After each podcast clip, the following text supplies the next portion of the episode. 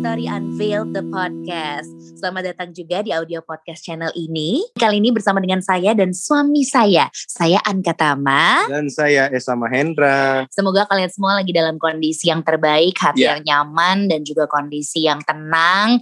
Kali ini Bright Story mau memperkenalkan kembali seri Hmm. podcast terbarunya yang Mhm. isinya adalah ngobrol-ngobrol singkat dengan para expert tentang topik-topik seputar kesehatan mental dalam rumah tangga sampai persiapan pernikahan pun akan dibahas. Jadi buat kamu yang sekarang sedang mendengarkan podcast ini, kamu sedang dalam statusnya in relationship atau yang sudah menikah, pernah nggak sih ngerasa cemas, khawatir, atau bahkan emosional berlebih ketika memikirkan soal hubungan dengan pasangan?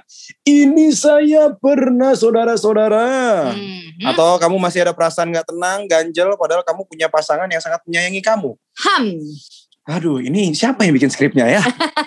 Correlated sekali. Semua ini sebenarnya berhubungan dengan kesehatan mental kamu. Padahal kesehatan mental individu itu berpengaruh pada kualitas relasi percintaan atau hubungan rumah tangga, Bib. Iyalah ya, gimana enggak Hmm. coba. Tapi gimana juga ngecek kesehatan mental tuh gitu Hmm. dan seberapa besar sih sebenarnya pengaruh kesehatan mental diri kita terhadap rumah tangga. Nah, Iya. itu dia. Langsung saja kita langsungkan pertanyaan kepada Mas Robi Sudargo yaitu in-house practitioner di The Golden Space serta relationship class anchor. Menarik ya kesempatan yang diberikan ke kita berdua kali. ini. Mudah-mudahan ini bisa jadi konsultasi gratis dengan Mas Robi ya. Hai Mas Robi, Iya. apa kabar? Ya halo Mbak Angka, Mas Esa, halo semuanya. Hai. Nah, gimana semua- kabarnya Mas Robi? Sehat? Baik, baik, sehat. Thank you. Yeay, Semoga itu yang- semoga sehat semua ya. Betul, Betul. karena itu yang paling penting sekarang ya Mas Robi, kesehatan lahir batin Betul. gitu. Fisik Iya, dan juga betul. mental harus sehat. Dan juga Betul. mental, ya. itu dia. Nah, tadi balik ke pertanyaan yang sebenarnya juga eh, perlu banget ditanyakan diri masing-masing ke Iya. pasangan ataupun mungkin ke diri sendiri gitu, perihal kesehatan mental kita gitu. Mhm. Itu tuh relasi atau hubungannya sama relasi percintaan atau suami istri itu bagian mana sih Mas Robi? Ya, kalau menurut aku sih sebenarnya hubungannya tuh ada dua arah ya. Jadi kalau berdasarkan survei membuktikan bahwa kalau seorang pasangan itu mempunyai hubungan uh, relationship ya kan, pacaran atau uh, suami istri, Mhm. itu secara in the long run ya, itu bisa mem- membuat kondisi mental dia lebih baik. Jadi lebih bahagia, lebih merasa fulfilled gitu ya. Nah, Mhm. tapi itu dengan catatan kalau relationship-nya itu bisa berjalan dengan baik gitu. Mhm. Tapi sebaliknya kalau hubungannya itu tidak baik ya kan, eh, malah itu akan menimbulkan stres. Ya kan lebih banyak stres, lebih banyak kekhawatiran dan dalam case tertentu bisa sampai depresi dan sebagainya gitu. Nah, Mas Robi, biasanya nih tanda-tanda mental kita nih sedang berada di dalam tahap yang kurang sehat itu ketika ketika kita tuh berbicara di lingkup pernikahan atau hubungan percintaan nih. Eh, dua-duanya ya gitu. Eh, kalau ya sebenarnya sih kalau misalnya masih belum sampai pernikahan, Mhm. justru em, lebih baik kalau hal-hal seperti ini muncul gitu. Jadi kan kita lebih lebih lebih bisa menanganinya Mhm. eh, terlebih dahulu ya gitu. Iya. Nah, jadi tanda-tandanya itu eh, sebenarnya mungkin ada banyak. Eh, aku kasih contoh aja yang mungkin dalam dua ekstrim yang berbeda. Itu yang umum sih kalau orang itu sering banget kena trigger gitu ya kan. Kena trigger tuh jadi eh, pasangannya ada ngomong apa, buat apa, terus gampang marah-marah gitu. Kan, Jadi mungkin bawaannya kayak marah-marah terus dan kadang-kadang kalau kalau ditanya kamu marahnya kenapa sih gitu, Eh, mungkin kadang-kadang nggak bisa jawab. Jadi sebenarnya marah about nothing gitu ya kan, tapi pokoknya marah-marah aja gitu. Ada kesempatan marah-marah. Nah itu kan dari satu ekstrim yang yang sana gitu. Nah cuman bisa juga malah agak kebalikannya gitu. Jadi orang tersebut em, kehilangan apa ya, kayak kehilangan eh, koneksi dengan perasaan dia. Jadi mungkin Mhm. bahasa Inggrisnya tuh kehilangan kehilangan empati gitu ya. Mhm. Jadi mungkin dia bawaannya lebih kayak nggak peduli gitu ya kan, Em, agak apatis atau mungkin menutup diri ya kan. Jadi eh, dan bisa juga mulai misalnya antisosial ya kan, menarik diri gitu, males eh, males ah ketemu sama temen lo gitu atau sama hmm. orang tua lo gitu. Jadi kira-kira tandanya hmm. hmm. tandanya seperti itu. Oke, Mas Ruby, ini ini ini menarik nih. Kalau misalnya kita ngomongin tentang lingkup pernikahan sama hubungan status percintaan yang mungkin dalam tahap yang mendengarkan sekarang masih dalam tahap pacaran lah ya, belum ke arah yang yeah. Iya. uh, menikah. Kan ada hal-hal yang ketika kita uh, sudah menikah gitu ya, tinggal satu atap, itu yeah. tuh yang bunga-bunga pas lagi percintaan ketika pacaran itu kan indah semua tuh. Nah, yeah. pas ke tahap pernikahan itu kan udah gak wangi yang lagi jelek, bunganya jelek, gitu. yang jelek-jelek kelihatan. Iya, iya, iya. Yang aneh-aneh kok dia begini ya?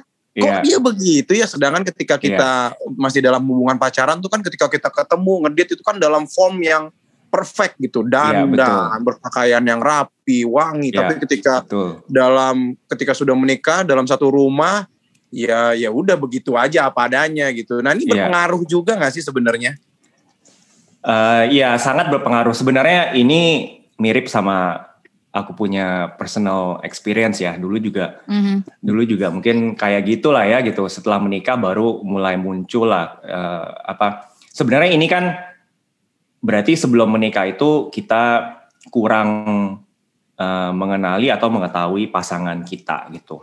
Mm-hmm. Nah, tapi memang ya itu nggak nggak nggak semudah itu ya kan untuk dilakukan. Nah, tapi bagi yang masih berpacaran, kalau kebetulan dengerin ini, maka ambillah kesempatan ini untuk bisa benar-benar mengetahui uh, pasangan kita gitu. Nah, iya. jadi mengetahui itu um, bukan hanya yang baik-baik, tapi juga yang mungkin ada kutip kurang baik ya gitu. Mm. Nah, tapi kalau misalnya udah melangkah ke pernikahan dan ini baru muncul ya sebenarnya ini kan juga sesuatu yang ya normal-normal aja lah ya gitu. Mm. Uh, banyak orang di luar sana juga mengalami hal yang sama. Nah ini ya balik lagi uh, sebenarnya sih kalau dalam relationship itu salah satu prinsip aku tuh itu apa ya kembali ke diri kita lah gitu ya kan. Nah, jadi sebenarnya kalau ada hal-hal tertentu yang kita nggak suka sama pasangan kita gitu atau oh kok tiba-tiba dia seperti ini gitu ya kan. Uh, ya kita tanya dulu ke diri kita sendiri sebenarnya apa sih yang bikin aku sebel gitu. What what is it about dia punya ya kan hal ini yang bikin aku mm -hmm. sebel gitu.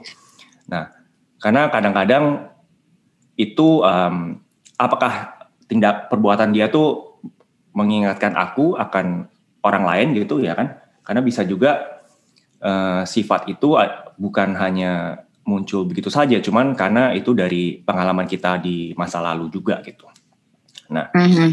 Terus juga aku percaya semua hal itu pasti ada hikmahnya dan kita juga mau mesti apa ya mesti ada kerendahan hati untuk um, tanya ke diri kita sendiri sebenarnya pelajarannya apa dari dari pengalaman ini gitu. Bisa saja mungkin aku mesti belajar lebih menerima pasangan aku ya kan. Itu jadi uh, ya tentu nobody's perfect ya kan. Jadi mungkin belajar lebih menerima uh, atau kalau misalnya ya tergantung lah ya ini kan tergantung sebenarnya perilakunya seperti apa gitu. Mm-hmm. Mungkin pelajarannya juga mungkin untuk lebih bisa apa ya? Uh, mungkin mesti bisa stand up ya kan stand up untuk diri sendiri gitu. Karena kadang-kadang kan bisa saja suatu hubungan tuh menjadi mungkin kurang energinya kurang baik atau bahkan bisa jadi toxic ya kan gitu. Jadi mm-hmm. tergantung pelajaran apa yang kita yang kita mesti ambil lah dari pengalaman itu.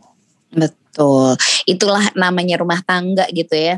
Ada masalah di rasanya tuh ini benar gak sih hubungan kita gitu. Tapi once kalau kita ngerasanya bahagia mulu nih perasaan gitu. Nah, bahagia bahagia mulu itu siapa tuh pasangan yang mana tuh kalau boleh tahu? Sinetron mana kalau boleh Sinetron Ikatan yeah. Cinta bagaimana hanya, gitu? Hanya ada di film ya. Asli. Nah, apakah merasa bahagia terus itu tuh normal atau enggak sih Mas uh, Robi gitu dan apakah itu menjadi tolak ukur kalau mental kita tuh sehat? Ya, uh, kalau normal sih tentu enggak ya. Karena ya kalau namanya orang dalam suatu relationship atau rumah tangga bahagia terus itu kan nggak realistis lah. Mm. Kan? Uh, sama aja balik ke diri kita sendiri bisa nggak sih kita happy terus bahagia terus juga kan nggak realistis gitu karena hidup ini kan pasti ada aja lah ya kan lika-likunya dan ada aja gelombang-gelombangnya gitu. Jadi sebenarnya yang menjadi tolak ukur ya kan apakah uh, hubungan kita itu sehat atau mental kita itu sehat bukan bahagia terusnya atau mungkin oh saya ini 90% bahagia terus. Jadi berarti hubungan saya bagus dong gitu. Bukan bukan begitu, cuman dari gimana kedua pasangan ini caranya menghadapi kalau ada yang ketidakbahagiaan itu atau kalau ada berantem atau ada ada triggernya lah gitu. Nah, terus um, mungkin kalau dari segi mentalnya ya tolak ukurnya itu yang pertama tetap bisa uh, merasakan ya perasaan kita um, jadi in touch with our feelings ya kan gitu. Kalau misalnya marah ya marahnya dirasakan dan yang penting tuh bisa diekspresikan ya kan ke pasangan kita. Jangan sampai kita diemin terus ya kan nanti jadi apatis terus jadi apa ya jadi mungkin istrinya marah-marah suaminya udah aduh kayak ini gue tune out aja udah nggak didengerin lagi gitu. Itu karena kalau udah ke sana itu nggak akan memperbaiki keadaan gitu dan mesti okay. bisa komunikasi juga ya kan dengan terbuka dan ya mesti punya apa ya kerendahan hati lah untuk vulnerable juga ya gitu. Uh -huh. Oke, okay, nah uh, kalau kita ngomongin soal cara mengetahui gitu siapa atau apa sih penyebab kita tuh ngerasa cemas berlebihan tuh gimana sih Mas kan tadi Mas Robi sempat bilang gitu bahwasanya um, ada kalanya kita tuh suka ngerasa ya nggak tahu deh sebel aja gitu tapi nggak tahu yeah. siapa gitu. Nah, itu tuh grampi grampi grampi, grampi ya. bawaannya mau sewot bawaannya yeah. uh, telat pulang setengah jam dikit gitu bawaannya udah Udah di mana sih? Udah coba nah, nah, nah, nah, nah. Iya. Iya, atau grumpy terhadap semua orang gitu ya. Iya, iya. Tuh ya. gimana tuh? Iya. Ya aku sendiri pernah sih ngalamin itu uh, ya kan. Jadi masa-masa galaunya lah gitu ya. Nah, gimana cara mengetahuinya ya? Um, ya, kalau misalnya kita marah-marah itu ya kan. Jadi sebenarnya perasaan marah itu ya sebenarnya kalau dari psikologi itu sebenarnya sebuah defense mechanism gitu. Jadi um, apa ya cara kita seperti kayak kita tuh melindungi diri sendiri gitu dengan marah. Nah, biasanya tuh di bawah kemarahan kita ada ada apa ya? Ada perasaan emosi yang penyebabnya gitu, ya kan?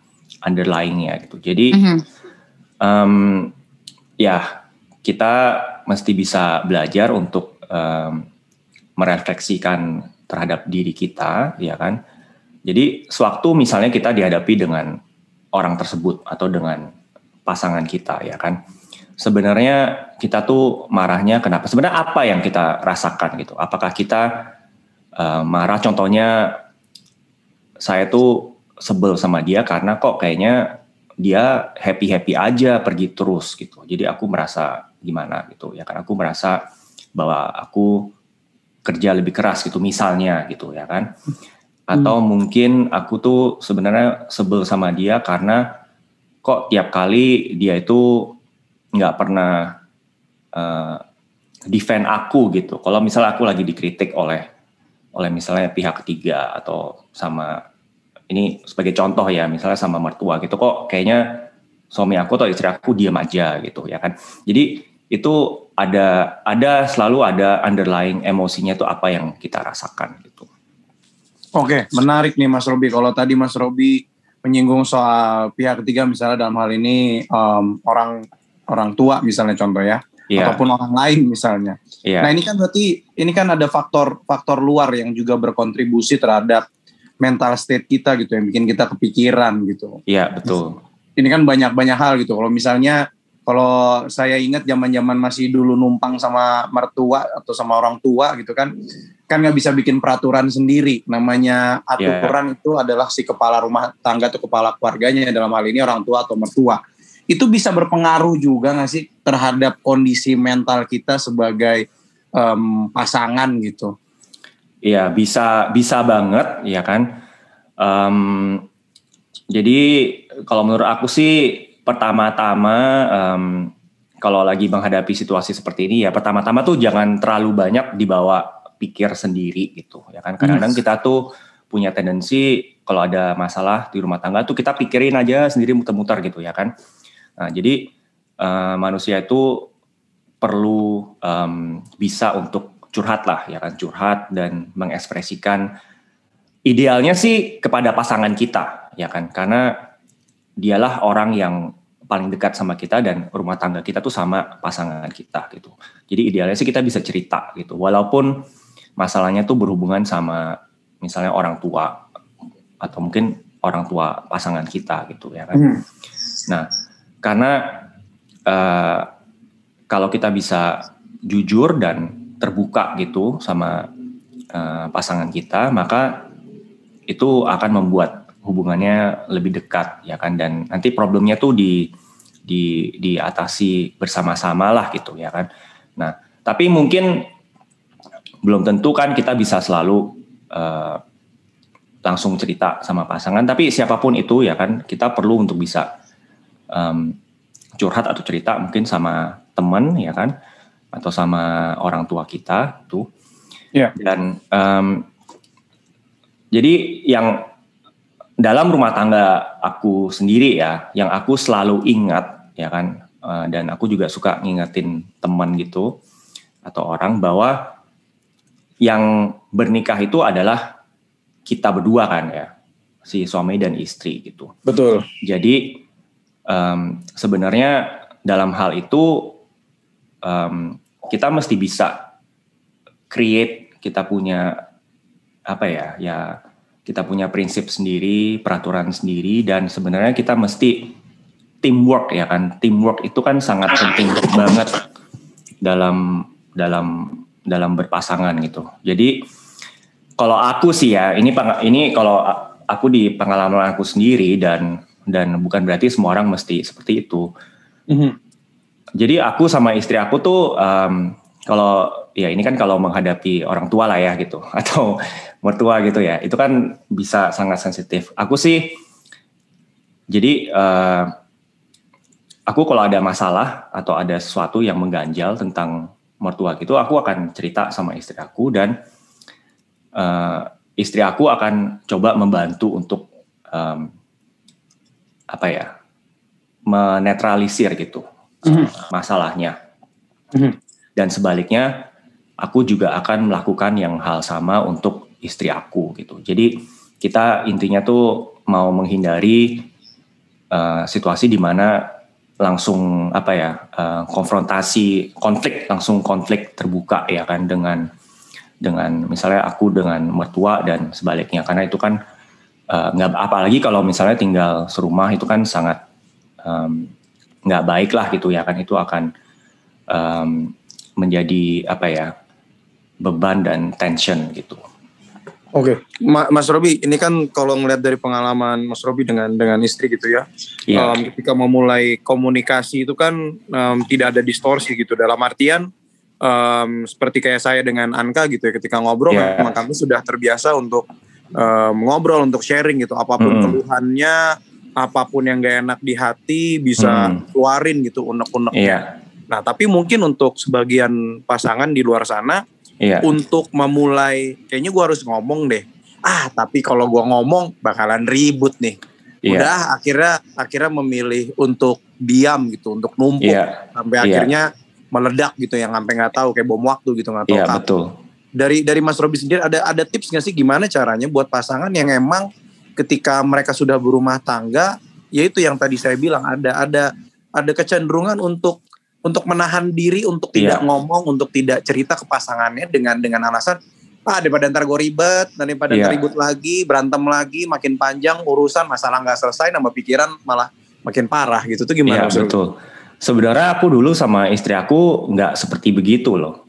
Mhm. Justru um, justru secara apa ya natural ya kan uh, itu aku orangnya nggak mudah gitu untuk uh, untuk open Berarti Jadi agak introvert uh, juga gitu Mas Robi sebenarnya. Iya, iya betul, agak agak introvert dan uh, seperti tadi Mas Esa bilang tuh uh, itu kan istilahnya conflict avoider gitu ya. Jadi uh, mau nggak mau konflik lah gitu. Jadi cenderungnya ya mungkin ngalah aja atau ya kalau aku merasa ya udahlah ini nggak usah dibahas lah gitu nanti ribut gitu. Itu kan namanya avoiding conflict gitu. Mhm. Nah, jadi sebenarnya seperti itu kan nggak uh, apa ya kurang sehat lah dalam dalam relationship gitu karena kalau seperti itu terus itu pasti ada salah satu pihak yang yang mendem dan lama-lama akan meledak gitu. Iya. Nah, jadi kenapa sih sebenarnya kita seperti itu gitu ya kan? Jadi kalau kita kalau introspeksi diri atau seperti misalnya dalam dalam pengalaman aku sendiri, ya kan aku tuh seperti itu ya kan. Uh, sebagian tuh karena aku terbiasa dengan di keluarga aku sendiri juga seperti itu gitu. Jadi mungkin kalau aku lihat um, pernikahan papa dan mama aku sendiri itu uh, ada dinamika seperti itu gitu, di mana uh, mungkin komunikasinya nggak nggak nggak open seperti yang kita inginkan lah gitu ya kan. Jadi jadi orang itu kan banyak belajar secara sadar atau secara tidak disadari dari keluarga kita sendiri, dari orang tua kita sendiri gitu. Ya kan? Nah, jadi gimana supaya kita bisa lebih terbuka ya pertama-tama kita coba cari tahu dulu kenapa sih gue seperti ini gitu ya kan gue belajar dari siapa gitu ya kan dan bukan dan sering kali sebenarnya kita mesti malah memperbaiki hubungan kita dengan orang tersebut. Itu seperti misalnya aku, ya kan, uh, aku tuh seperti itu karena aku lihat uh, papa aku seperti itu gitu ya kan ngalah terus sama hmm. mama gitu. Jadi uh-huh. ada suatu saat di mana aku uh, akhirnya bisa memperbaiki hubungan aku dengan mama aku gitu. Oke. Okay. Ya kan? Jadi suatu apa ya momen yang tentu lumayan emosional lah ya karena ini kan uh sesuatu yang yang lama. Jadi um, apa ya uh, believe it or not kadang-kadang hubungan kita dalam suatu rumah tangga itu ada kaitannya dengan hubungan kita dengan keluarga inti kita. Hmm, kayak ada masalah soal inner child problem juga gitu kali ya, ya Mas? Ya betul inner child problem, ya betul inner child problem dan juga jadi dinamika gini ya kan uh, reaksi insting kita dalam menghadapi suatu masalah dengan pasangan kita itu banyak yang kita belajar dari pengalaman kita itu ya waktu waktu kita as a child, waktu kita tumbuh dewasa dari orang tua dan sebagainya. Maka sebenarnya kalau kita bisa memperbaiki hubungan dengan orang tua kita, maka nanti hubungan dengan istri juga bisa lebih uh, lebih mudah gitu. Nah, sementara itu ya mesti apa ya? Ya mesti memberanikan diri juga ya, kayak agak uh -huh, uh -huh. agak memaksa diri untuk um, untuk lebih open ya kan? Um, karena kita mau mau mau bicara gitu juga kita sendirinya kan mesti uh, bisa vulnerable gitu ya kan mesti bisa mm -hmm. um, ya jangan pakai ego ya kan tapi ya dengan apa kerendahan hati itulah gitu Iya betul. Ya. Nah sebenarnya kan faktor di luar tuh juga bisa mempengaruhi mental state kita ya mas. Maksudnya gimana ya. uh, gimana cara kita menyadarinya itu yang kita butuh uh, butuh tahu gitu karena nggak jarang banget seseorang tuh malah terus menyalahkan dirinya hmm, sendiri yeah. gitu. Misalnya over blaming, overthinking yeah. gitu. Saya, saya, nah, saya. Iya, iya. iya.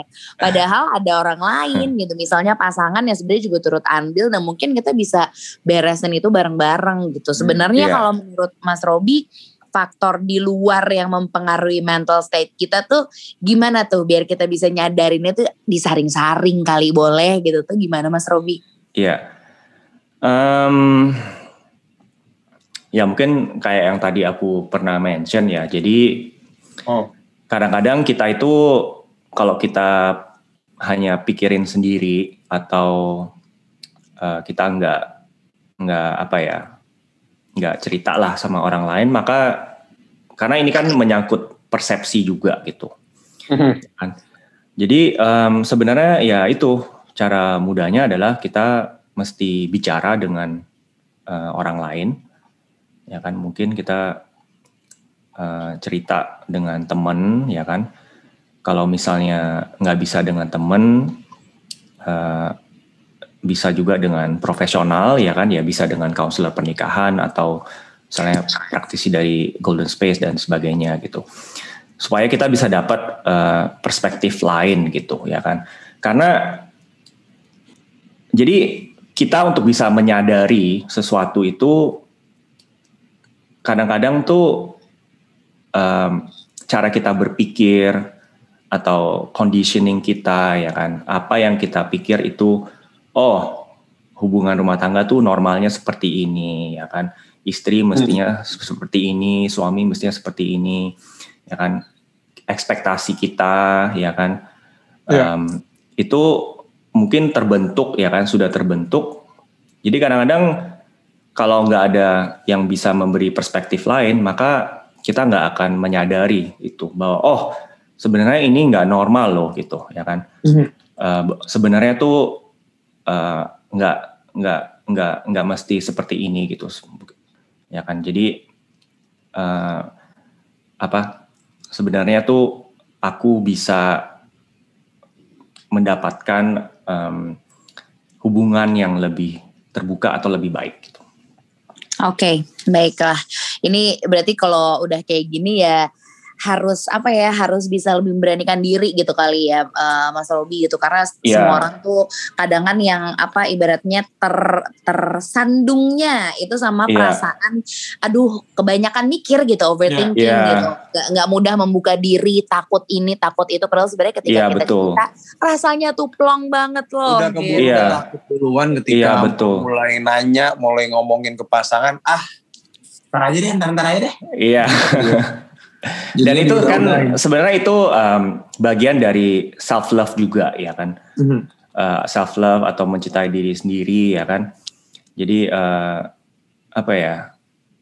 Kadang-kadang tuh kalau orang yang sering menyalahkan diri sendiri, mm-hmm. itu berarti kan kurang self love karena uh, mungkin merasa bahwa yang dipikirkan ya kan atau yang dirasakan itu tidak valid gitu atau tidak apa ya tidak tidak cukup not not worth it atau tidak cukup berharga untuk diekspresikan gitu. Padahal sebenarnya kita sebagai manusia kalau kita bisa mencintai diri sendiri itu sangat penting gitu karena semua semua pikiran kita, semua perasaan kita sebenarnya itu sangat penting dan dan kadang-kadang kita kan suka membandingkan sama orang lain. Ah, gue problemnya cuman kayak gini, ya kan? Si A ya. udah sampai begitu gitu. Jadi, aduh, gue nggak usah ngomong deh gitu ya kan? Mm-hmm. Gitu. Ini kayak gue cuman gede-gedein aja gitu. Tapi hmm. semua orang itu itu berbeda, ya kan? Journey-nya itu berbeda, ya kan? Ya tentu itu pernikahannya journey-nya juga berbeda. Jadi yeah. self love itu adalah sebenarnya kembali untuk bisa menyadari hal itu gitu. Ya kan bahwa pikiran kita, perasaan kita dan kebutuhan kita ya kan secara mental, secara fisik itu adalah sesuatu yang penting dan berharga.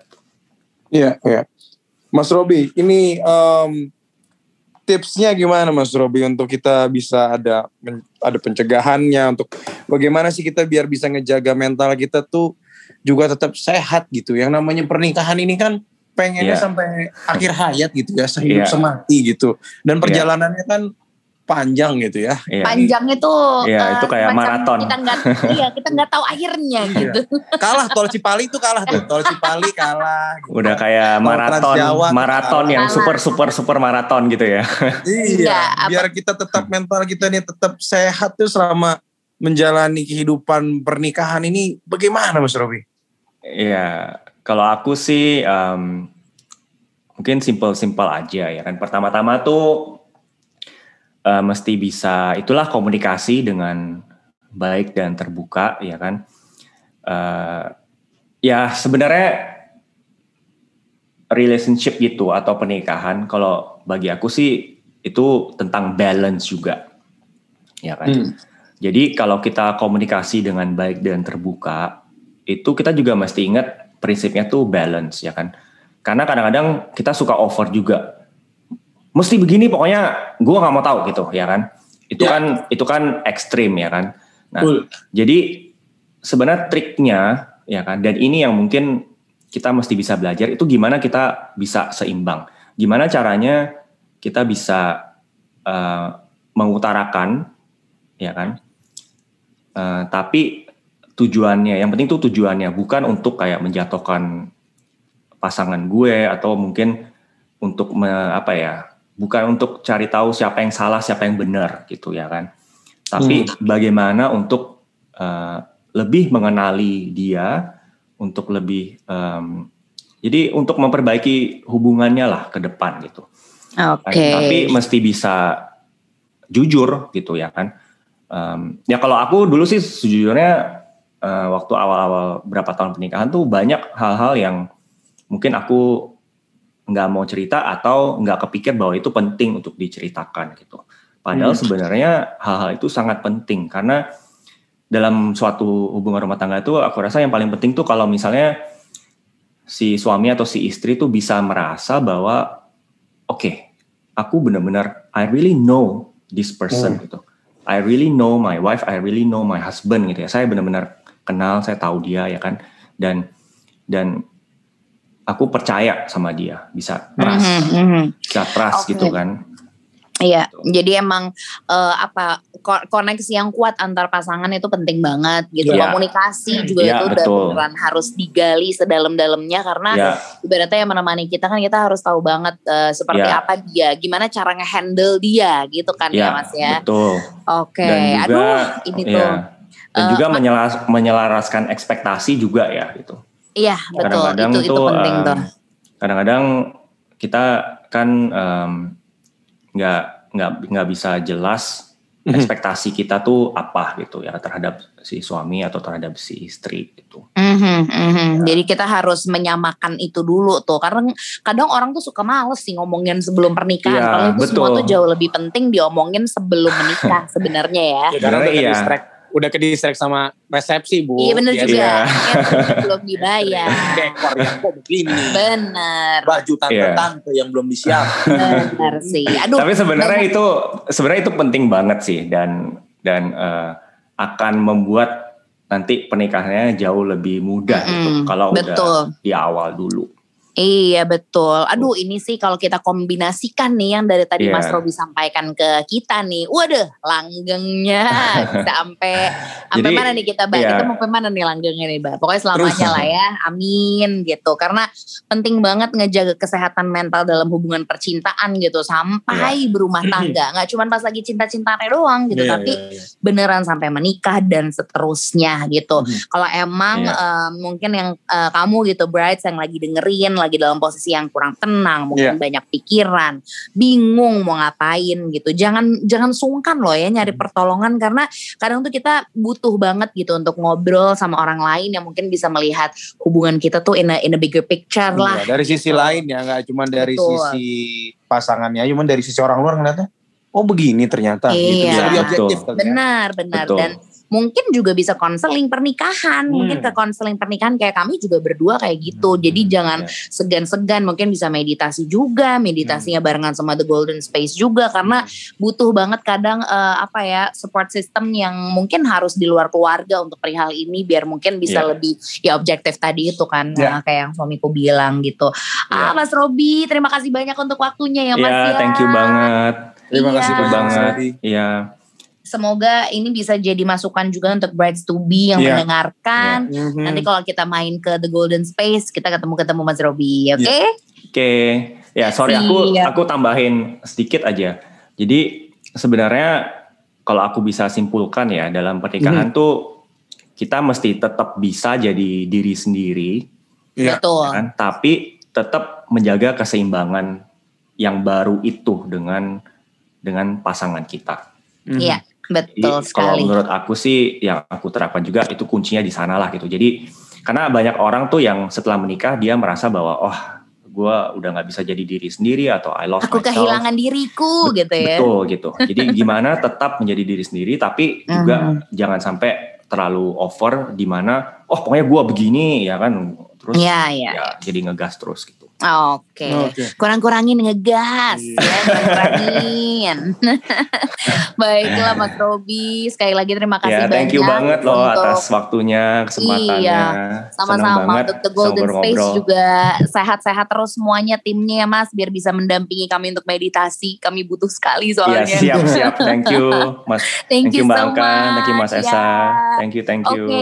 Untuk semua brides to be, jangan lupa juga untuk dengerin episode-episode Bride Story audio podcast lainnya Iya. yang akan hadir setiap minggu. Mhm. Untuk itu sekali lagi terima kasih untuk Mas Robi dari The Golden Space. Saya Anka Tama. Saya Esa Mahendra. pamit dan sampai ketemu lagi. Bye. Bye. Bye.